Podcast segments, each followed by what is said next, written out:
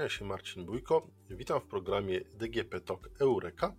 Jest dzisiaj ze mną y, doktor habilitowany inżynier Marek Ściążko z y, Centrum Energetyki Akademii Górniczo-Hutniczej w Krakowie. Pan y, doktor jest specjalistą od zgazowania węgla, czyli czegoś, co w dzisiejszych trudnych czasach jest w stanie pomóc nam uwolnić się od dostaw gazu. Dobrze mówię?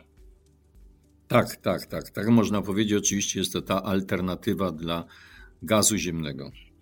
E, właśnie, czy mógłby pan profesor opowiedzieć, o co dokładnie chodzi e, z tym zgazowaniem węgla? Bo e, brzmi to dosyć dziwnie. Zgazowanie węgla to jest właściwie tak jak brzmi, przeprowadzenie czegoś, co jest substancją stałą, czyli taką, jaką jest kostka węgla, w gaz. Stąd jest ta nazwa zgazowanie węgla. E, I gaz, e, on może być tak uszlachetniony, czyli coś, co już jest substancją palną, gazową, że może być substytutem gazu ziemnego, takiego gazu, jaki mamy w rurociągu do, e, dostarczającego gaz do domu, czy też do, do elektrowni. To jest taka alternatywna droga pozyskania gazu czy substytutu gazu ziemnego. Jedna to jest bezpośrednio ze złoża jako gazu tak zwanego naturalnego, a ten pozyskany poprzez zgazowanie węgla możemy nazwać syntetycznym gazem ziemnym. Czyli moglibyśmy zrobić coś takiego, że korzystając z naszych zasobów węgla, e, dokonujemy właśnie tego zgazowania e, węgla i wpuszczamy ten gaz do rurociągu po to, żeby dostarczać to do mieszkań? Tak, tak, tak. To jest jakościowo gaz syntetyczny, jest takim samym gazem jak gaz ziemny naturalny i e, to jest przede wszystkim przypadek, e, który jest zrealizowany w Stanach Zjednoczonych jako taka pierwsza instalacja na świecie, już powstała właściwie w latach 90. ubiegłego stulecia, gdzie zgazowuje się w, skalach, w skali milionów ton węgla takiego brunatnego. E, węgiel, poddając go różnym procesom oczyszczania i uszlachetniania, i na końcu mamy syntetyczny gaz ziemny, który e, wprowadza się do rurociągu gazu ziemnego naturalnego.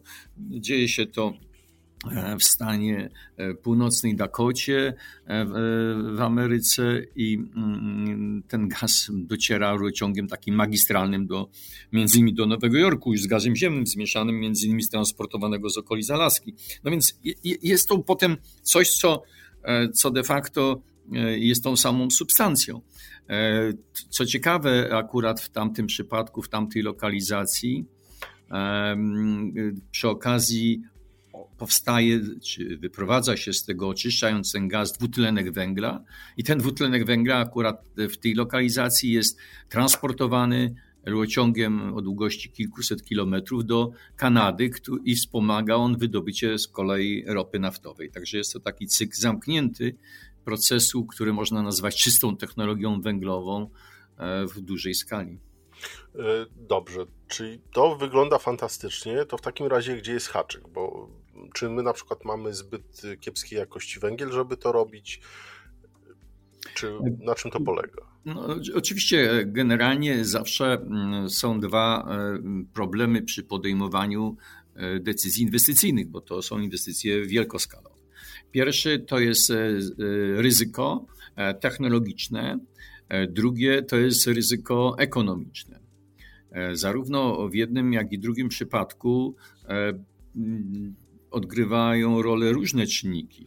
E, w przypadku ryzyka technologicznego, to o ile mamy taką demonstrację w Stanach i nowsze rozwiązania procesowe, które są zastosowane w Chinach, to ciągle są to, mimo że to są instalacje już wielkoskalowe, to ciągle są jeszcze traktowane jako coś, co e, są nowymi rozwiązaniami i z tego powodu pewnie, bo to jest tylko mój domysł, e, krajowe spółki, czy węglowe, czy energetyczne, czy też chemiczne, e, łatwiej im było podejmować decyzję budowy rurociągu, bo to jest mniejsze ryzyko, rurociągu gazu ziemnego, naturalnego, niż podejmować decyzję, żeby zgazować węgiel, bo to są instalacje bardziej skomplikowane. Prawda? Trzeba ten węgiel przetworzyć i, i, i dopiero wtedy mamy ten substytut gazu ziemnego. Czyli to jest takie ryzyko technologiczne. I tu była obawa.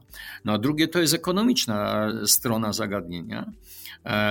Zdecydowanie ekonomia w czasach prawie że minionych, bo no niestety dzisiejsza sytuacja polityczna i wojna na Ukrainie i w związku z tym e, ceny nośników energetycznych diametralnie to zmieniły, ale nie była sprzyjająca ta sytuacja rynkowa do tego, żeby traktować e, od strony ekonomicznej przedsięwzięcia jako opłacalne. To jest związane przede wszystkim z cenami gazu, które były stosunkowo tanie. No i również e, do tego potrzebny jest w miarę tani węgiel, żeby się opłacało konkurować z gazem ziemnym. A gdzie jest ta bariera y, cenowa w kontekście y, ceny gazu, gazu ziemnego, kiedy zaczyna to nam się opłacać? No oczywiście y, jest mi to trudno dzisiaj powiedzieć, bo ceny zarówno gazu, jak i węgla poszybowały dzisiaj kilkukrotnie, trzy do czterech razy wyżej niż to było jeszcze pół roku temu. E, w związku z tym dzisiaj jest to naprawdę, byłoby to włożenie z fusów. Mogę powiedzieć dla e, warunków, kiedy w miarę sytuacja była stabilna, czyli e, powiedzmy dwa lata temu, bo takie analizy dwa, trzy lata temu e, robiliśmy, to e, wtedy cena węgla rzędu 10-11 zł za gigajoule, taki miernik, prawda, którym się posługują między innymi producenci i odbiorcy węgla, to dawały podstawy do tego, aby przyjąć tą opłacalność przy cenie gazu ziemnego około 1000 zł, 1100 zł za, za, metr, za 1000 metrów sześciennych. E, no, dzisiaj mm, oczywiście e, to jest mm, koniunkturalne moim i zresztą tutaj kolegów w centrum też zdaniem e, te ceny i trudno tutaj jakiekolwiek prognozy snuć, tym bardziej, że koszty inwestycyjne dzisiaj też eskalują, ale te parametry, które zacytowałem, potencjalnie ciągle są słuszne, jeżeli byśmy to sprowadzili do tego poziomu cen ponieważ wszystkie e, koszty wzrosły, bo zarówno usług inwestycyjnych, jak i nośników energetycznych, no to pewnie ta proporcja jest podobna, tylko na innym poziomie. A czy to jest e, technologia zielona, czy wręcz przeciwnie? Bo słyszymy węgiel, to od razu e, zieloni będą się jeżyć. Powiem tak, oczywiście to nie jest technologia zielona, bo wszystko, co bazuje na paliwach kopalnych, nie jest technologią zieloną w rozumieniu takim stricte definicyjnym zielonej technologii. Natomiast gdybyśmy e, składowali CO2 w zasobach geologicznych Ziemi, co jest możliwe również w Polsce i takie projekty w Centrum Energetyki AGH również wykonujemy jako komercyjne projekty, to wtedy ta technologia jak najbardziej e, będzie zielona, e, nie w pełnym stopniu, ale na pewno błękitna, bo to jest taki trochę podział kolorów, prawda? Szare to już jest zupełnie źle, bo to jest ten węgiel z emisją. Zielone to jest bardzo dobre, bo to jest słońce, powiedzmy, i wiatr, a pomiędzy tym jest błękitny, jeżeli e, dwutlenek węgla składujemy mm, gdzieś pod ziemią trwale. No więc to, to może być na pewno błękitna technologia, jeżeli chodzi o zgazowanie. Znaczy do niedawna jeszcze wszystkie technologie gazowe uznawane były za bardziej ekologiczne niż technologie węglowe, czyli rozumiem, że to zgazowywanie węgla, mimo tego, że na samym początku mamy węgiel, można jednak traktować jako technologię gazową. E, czy e, na pewno jest technologią gazową, z tym, że e, zgazowanie węgla jeszcze ono jest bardzo efektywne, natomiast ono jeszcze nie usuwa nam CO2 z, z, z otoczenia. W związku z tym potrzebne byłoby tu, jeżeli już mówimy o, o takim kroku w kierunku zieloności czy też błękitnego koloru, to musiało być składowane. Natomiast oczywiście dzisiaj proszę zwrócić uwagę, że ciągu kilku miesięcy przewartościowujemy w ogóle e, otoczenie e, rynkowe i ja podejrzewam, że polityka e, restrykcyjna i szybkiego dojścia do zupełnej neutralności klimatycznej w takim dosłownym słowa znaczeniu, ona, ona, ona spowolni. Dzisiaj bezpieczeństwo energetyczne nie tylko, że jest na pierwszym miejscu, tylko się wysunęło zdecydowanie do przodu. Znaczy, tu bezpieczeństwo energetyczne zaczyna być też y, pewnym działaniem strategiczno-wojennym de facto. No nie ukrywam, że tak naprawdę y, właśnie tego, w tym kontekście pytam, y, na ile ta technologia zgazowywania węgla w naszej sytuacji, naszych zasobów jest w stanie nas uniezależnić od dostaw gazu, co tu dużo ukrywać z Rosji. Diana, trochę mi jest trudno na ten temat mówić spokoju, może tego nie słychać, ale nie, nie widać. Natomiast Już chyba lat temu 15 podnosiłem bardzo ostro, a nawet niedawno, może z 5 lat temu, właśnie sprawę tego bezpieczeństwa energetycznego i bazowaniu na potrzebie bazowania na własnych zasobach węgla i wprowadzeniu technologii zgazowania, bo mówiąc w takim przybliżonym stopniu, to zgazowanie 5-7 milionów ton węgla e, mogłoby zabezpieczyć potrzeby na gaz ziemny całej naszej chemii azotowej, prawda? Wosławek, e, Grupa Azoty. I i 5-7 milionów to nie jest rzecz niewyobrażalna. I, i, I powiem szczerze, że ciągle e, jakby dziwię się, że tego typu decyzje na wysokich szczeblach decyzyjnych, politycznych nie zapadały. Także to jest e, rzecz, którą trudno wytłumaczyć, jeśli chodzi o takie strategiczne decyzje polityczne. Tak, węgiel mógłby być znakomitym podstawnikiem prawda, gazu importowanego, skądkolwiek on pochodzi, ale oczywiście w takich sytuacjach jak teraz, no to e, jeżeli byśmy mówili o 5 miliardach metrów sześciennych, który jest na przykład w imporcie, to, to trzeba by powiedzmy kilkanaście, dziesięć może 12 milionów ton węgla i wtedy w ogóle zastępujemy te 5 miliardów metrów sześciennych gazu ziemnego. No, taka strategia jest możliwa. Oczywiście jesteśmy spóźnieni parę lat już w tej chwili i trudno sobie ją wyobrazić, bo ten węgiel też musi być dostępny, prawda? Mhm. E, no właśnie, jaki jest z dostępnością węgla? Czy musimy ten węgiel wyciągnąć e, z ziemi i dopiero wtedy poddać zgazowaniu, czy można e, ominąć kwestię wykopywania tego węgla, bo są różne technologie? Nie wiem, czy wie pan, parę lat temu bardzo mocno lansowano w mediach temat podziemnego zgazowania co absolutnie y, jest możliwe, ale nie jest możliwe dzisiaj, żeby zastosować to komercyjnie i w sposób kontrolowany. A w związku z tym, mówiąc o zgazowaniu, to węgiel musi być wydobyty i poddany przerobowi e, na powierzchni Ziemi w takich zakładach chemicznych przetwórstwa węgla. E, czy to e, musi być jakiś specjalny węgiel? Bo e, na przykład problem polskiego, polskiej energetyki polega na tym, że nasze elektrownie węglowe nie bardzo są w stanie palić polskim węglem, bo zawiera za dużo siarki. No, jakby zawartości siarki nie przeskoczymy i pytanie, czy ona nie jest na przykład, czy jakość naszego węgla nie jest przeszkodą w technologii gazowania? Proszę pana, Stwierdzenie, że polska energetyka nie może palić węglem o wysokiej zawartości siarki, czy w ogóle o zawartości siarki, który jest w węglach polskich, jest błędne. Polska energetyka jest przygotowana do spalania węgla kamiennego, jakiegokolwiek, który występuje w polskich kopalniach. Ma najlepsze i bardzo zaawansowane systemy od azotowania, odciarczania, odpylania spalin. W energetyce nie ma problemu z siarką. Siarka jakakolwiek ona jest z kolei, jest problemem w przypadku zastosowania węgla w paleniskach domowych.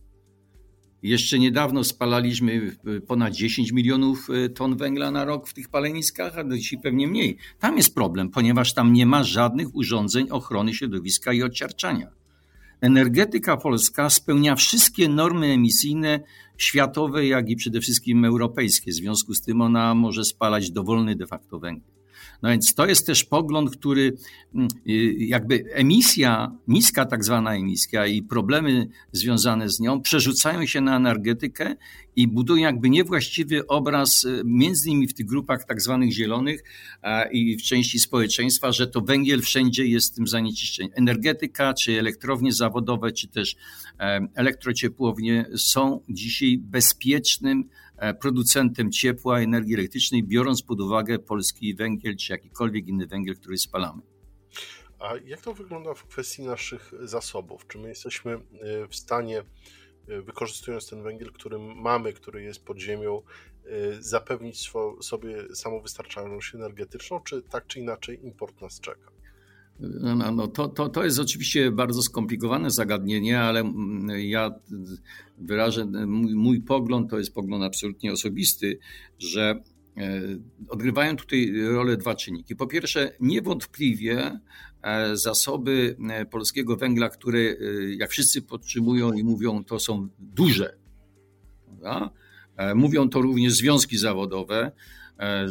To, to, to wszyscy wiemy, że są duże. Natomiast problem polega na tym, że my wydobywamy już tutaj w, w obszarach Górnego Śląska węgiel ponad 100 lat, dobrze 150 lat bez mała. No więc te zasoby idą, e, czy dostępność tego węgla jest coraz głębiej ulokowana i to kosztuje, prawda? Bo utrzymanie tych stanowisk pracy, wentylację i, i chłodzenia jest skomplikowaną sprawą wydobycie tego węgla. Zatem koszty są produkcji dość duże. I to jest jedna jakby obiektywna strona, ale drugą stroną to jest to, że jeżeli mamy węgiel, no i ten węgiel jest e, możliwy do wydobycia, no to musimy niestety y, też konkurować na rynku z dostawcami innymi, bo wiemy, że dzisiaj sprowadzamy właśnie z Rosji 9-10 milionów ton węgla rocznie. To znaczy, że my sami produkujemy węgiel, e, albo go nie ma, albo produkujemy drożej. No więc podniesienie konkurencyjności i dostępności zasobów węgla, czyli udostępnienie wyrobisk, jest dzisiaj kluczową sprawą. Tutaj, no niestety, E, w takich sytuacjach e, e, nie wystarczy tylko mówić, że mamy węgiel, ale powinniśmy wypracować wspólną strategię, to znaczy i zarządy, i właściciele kopania, tu jest Skarb Państwa, jak i reprezentacje załóg, czyli związki zawodowe, no muszą skończyć z, z, takim gloryfikowaniem, że mamy dużo zasobów węgla, ale nie robią za dużo, aby poprawić efektywność wydobycia. No to jest kluczowe, żeby e, zaspokoić potrzeby własne w sytuacjach takich, jak mamy e, obecnie. Znaczy, no, faktycznie wojna na Ukrainie wywróciła pewien stolik ekonomiczny e, i bardzo być może, że wiele rzeczy, o których jeszcze do niedawna myśleliśmy, nie myśleliśmy, zaczniemy rzeczywiście realizować. A interesuje mnie jeszcze z takiego y, czysto technicznego punktu widzenia, jak wygląda proces y, gazyfikacji, zgaz, tego zgazowania węgla. Y, co po kolei trzeba zrobić, żeby uzyskać no, taki gaz, który wpompujemy sobie do, rurociągu?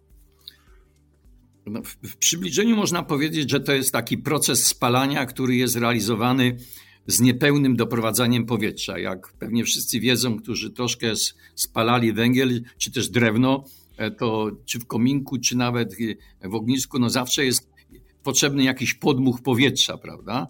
Mhm. No więc paliwo i powietrze, a de facto w powietrzu tlen to są czynniki, które pozwalają rozgrzać ten reaktor, to palenisko do, do czerwoności, czy też do takich kolorów żółtych, a czasami błękitnych, i w tym momencie wiemy, że proces idzie.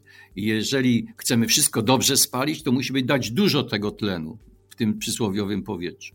Natomiast w przypadku zgazowania, co też się zdarza właśnie w palinskach domowych, jak widzimy czarne dymy, to znaczy się, że tam nie ma za dużo powietrza i to wszystko odbywa się proces przy małym udziale powietrza, czyli tlenu i powstaje gaz palny. No więc trzeba mieć tlen w niedomiarze w porównaniu do spalania, temperaturę wysoką i w tych warunkach węgiel zmienia się w składniki gazowe palne. Głównie w tym gazie jest tlenek węgla i wodór i troszkę właśnie metanu. I to jest podstawa, żeby z tego wytworzyć tak zwany gaz syntezowy, który Potem można uszlachetniać, e, zmieniać nieco, modyfikować jego skład, który może być i syntetycznym gazem ziemnym, czy też może być poddany innym procesom e, syntezy, może być metanolem jako produktem końcowym. Także to jest e, droga do przeprowadzenia węgla w gaz. Czyli zaczynamy od tego, że zmieniamy węgiel w wodór i tlenek węgla, gaz ziemny. obecności jest... tlenu i ewentualnie dodatku pary wodnej, jeżeli trzeba. Tak. Gaz ziemny to z kolei jest y, metan. Metan głównie, czyli y, jeden atom węgla, cztery atomy wodoru. Co musimy zrobić, żeby z tlenku węgla i wodoru utrzyma, otrzymać metan? No to, to wtedy już tych, tych, te, y, po wyprowadzeniu takiego gazu o takim składzie, gdzie jest tlenek węgla i wodór, e, dodajemy jeszcze przy katalizatorach parę wodną i ten tlenek węgla przekształca się częściowo w wodór w reakcji z parą wodną i dwutlenek węgla. Dwutlenek węgla usuwamy i zostaje nam na końcu sam wodór. I jak mamy już wodór, no to możemy go oczywiście też e, produkować, albo dokonać takiego, e, takiej konwersji, czy takiego uporządkowania ilości tlenku węgla do wodoru, że teraz reakcja tlenku węgla z wodorem może nam dać z kolei metan.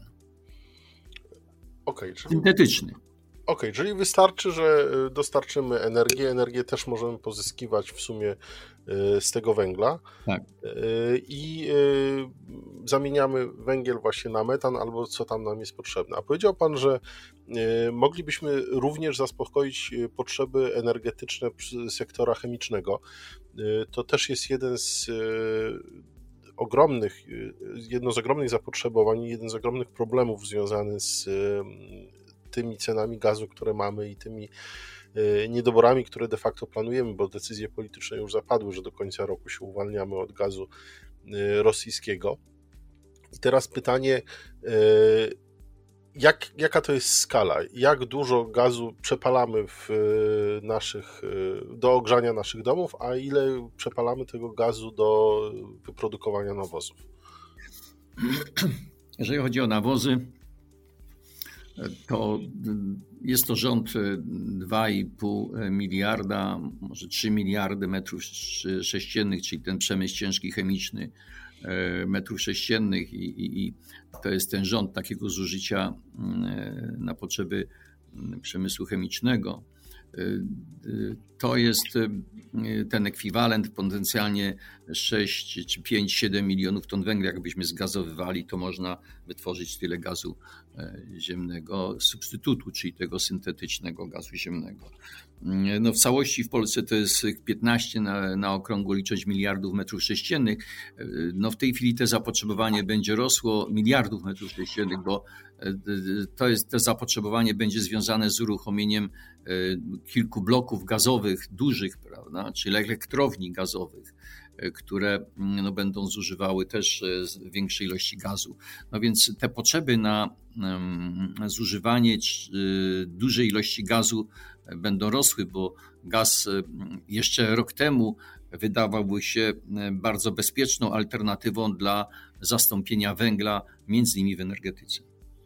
Czyli to około 1 szóstej gazu idzie na, który importujemy do Polski, idzie na nawozy. Y, znaczy, no nie całość importujemy, dlatego że my też produkujemy około 5 miliardów, prawda? Mhm. Czyli y, tego, co zużywamy, to około 1 szóstej idzie na nawozy. Czy jeszcze tak. jakiś przemysł chemiczny jest y, gazożerny? No, w, w, tym przypadku no, przemysł azotowy to jest najbardziej yy, konsum, naj, najwięcej konsumuje gazu jednostkowo ziemnego. Dobrze, a proszę mi powiedzieć w ogóle, bo yy, to, co Pan opowiada, brzmi super fantastycznie i w zasadzie yy, politycy powinni spytać, gdzie podpisać, ale jak to jest czasowo? Ile czasu my byśmy potrzebowali, żeby opracować i wdrożyć takie technologie e, gazyfikacji węgla, tego, który posiadamy, po to, żeby e, jakby przerzucić ten miks energetyczny z e, energii importowanej na energię, którą posiadamy gdzieś tam zakopaną w ziemi. No wie pan, y, to jest, y, ja pomijam te właśnie ten okres tych decyzji i wykluwania się decyzji, ale powiedzmy, że jeżeli jest taka wola, no faktycznie ona musi być wolą też polityczną, żeby pierwszy taki układ powstał przynajmniej, do momentu uruchomienia gdyby dzisiaj takie wole polityczne powstały, to nie wcześniej niż 4-5 lat, to, e, bo to wie pan, te wszystkie pozwolenia, one trwają, sama budowa pewnie ze 3 lata. No więc liczę 4-5 lat to jest minimalny okres, żeby powstała może pierwsza instalacja zgazowania węgla w kierunku, który oczywiście produktem ostatecznym może być czy metanol, czy gaz, substytut gazu, czy wodór. Tego nie wiem, ale w każdym razie taki jest okres y, potencjalnie inwestycyjny, żeby powstała pierwsza taka instalacja. Czyli jeżeli mamy rok 22, to 27 moim zdaniem y, pierwszy taki układ dopiero mógłby zapracować. Oczywiście musimy mieć dostępny do tego węgiel. E, czyli bieda polega na tym, że przespaliśmy e, te 5 lat, e, które były nam potrzebne. No cóż, kto by się tego spodziewał. Ale czy zdaniem pana profesora warto inwestować w tego typu technologie? Jeżeli jeden warunek jest tylko konieczny. Jeżeli w bilansach, a sądzę, że w tej chwili odbywają się gorące narady na szczeblach decydentów spółek węglowych, jak i polityków, e, czy jesteśmy w stanie zaspokoić własne potrzeby e, węglowe, zbilansować siebie węgiel w kraju. I jeżeli z, z, z, tych analiz wyjdzie, że nie tylko jesteśmy w stanie się zaspokoić tutaj węglem własnym, to wymaga oczywiście pewnych decyzji o, o charakterze organizacyjnym w górnictwie, jak i inwestycyjnym.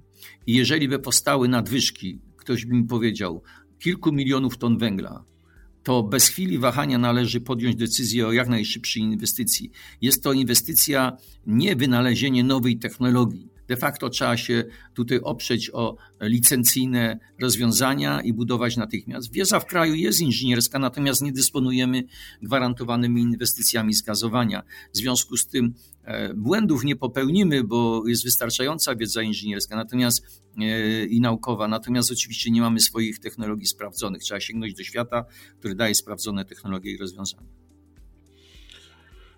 Dziękuję pięknie. Moim rozmówcą i Państwa gościem był doktor habilitowany inżynier Marek Ściążko z Centrum Energetyki Akademii Górniczo-Hutniczej w Krakowie. Bardzo dziękuję za rozmowę i cóż, pozostaje nam wszystkim życzyć, żeby zgazowanie węgla jednak stało się technologią, z której korzystamy.